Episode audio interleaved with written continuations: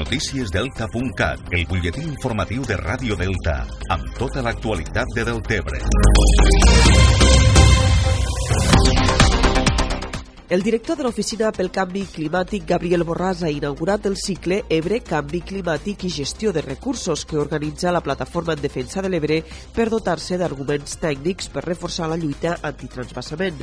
La conclusió de Borràs és clara. Si la solució per als problemes mediambientals del Delta eren més cabals i més sediments, amb el canvi climàtic encara més.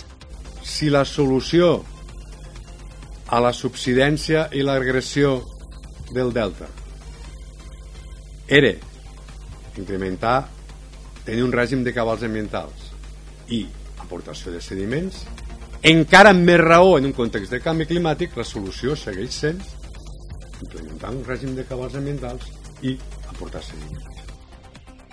Segons Borràs, el canvi climàtic està accentuant encara més els problemes que ja existien i en la trobada amb la plataforma ha explicat el programa finançat amb fons europeus adaptant la Mediterrània al canvi climàtic i que ha posat en marxa mesures per adaptar l'entorn al canvi climàtic actuant a les conques fluvials del Muga, el Ter i el Segre, el principal afluent de l'Ebre, tenint en compte la premissa que els boscos retenen gran part de l'aigua de pluja evitant que vagin a parar als rius. Per això Borràs defensa que no es pot separar la gestió dels boscos boscos de la gestió de l'aigua.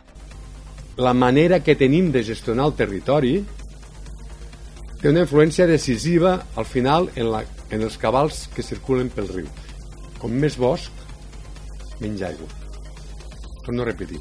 Com més bosc, menys aigua al riu. Dels 1.100.000 hectàrees de boscos que hi ha a Catalunya, ens hem de posar d'acord d'una vegada en dir quins boscos no hem de tocar per a res, perquè són santuaris de biodiversitat, i allà ni que no hi entri ningú.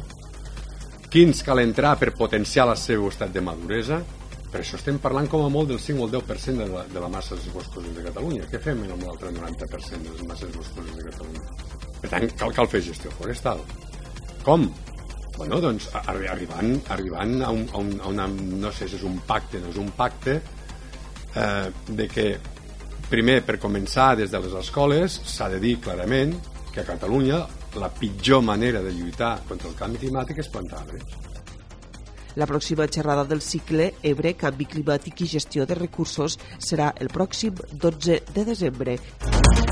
L'equip de l'associació Futbol Sala de Deltebre FF Motors s'ha situat segon de la Lliga de Futbol Sala Terres de l'Ebre després de guanyar 3-2 al Toscà este passat cap de setmana. Un partit dur i molt treballat pels homes de Màxim Navarro que van haver de remuntar dos cops el marcador. Finalment, però, dos llançaments de falta directes transformats per Marsolà van decantar la balança cap a l'equip del Tebrenc. L'entrenador reconeix que la victòria permet a l'AFS del Tebre lluitar almenys per la segona plaça de la Lliga. Per a guanyar-los van tindre que, que que pelea moltíssim, moltíssim, moltíssim i, i encara, el que, encara li donem més valor a aquests tres punts que ens segueixen queixant a la part alta de la classificació eh, almenys eh, per, a, per, a, per a disputar la segona plaça tot perquè sembla que la primera si no hi ha un daltavall molt gran o, o la Frete tot i que queden molts de partits té molt avantatge la FS del Tebre, FF Motors, viatjarà este pròxim cap de setmana a Camp del Benifallet. Més qüestions. La Biblioteca Delta de l'Ebre acull l'exposició Tot és en els llibres, una mostra monogràfica sobre l'escriptora Teresa Pàmies en motiu del centenari del seu naixement. La frase Tot és en els llibres l'acostumava a dir Teresa Pàmies i l'exposició mostra com tota la seva trajectòria vital es troba recollida en la cinquantena d'obres que va escriure.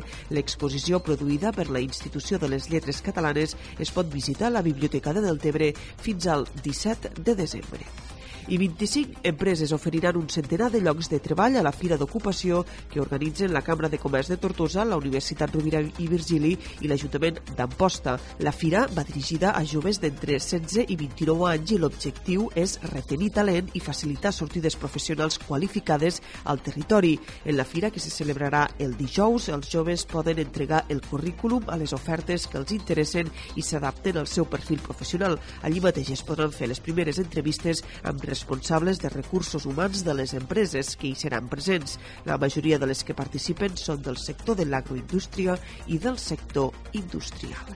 Això és tot per ara. Ja saben que poden continuar informats al portal deltacat.cat.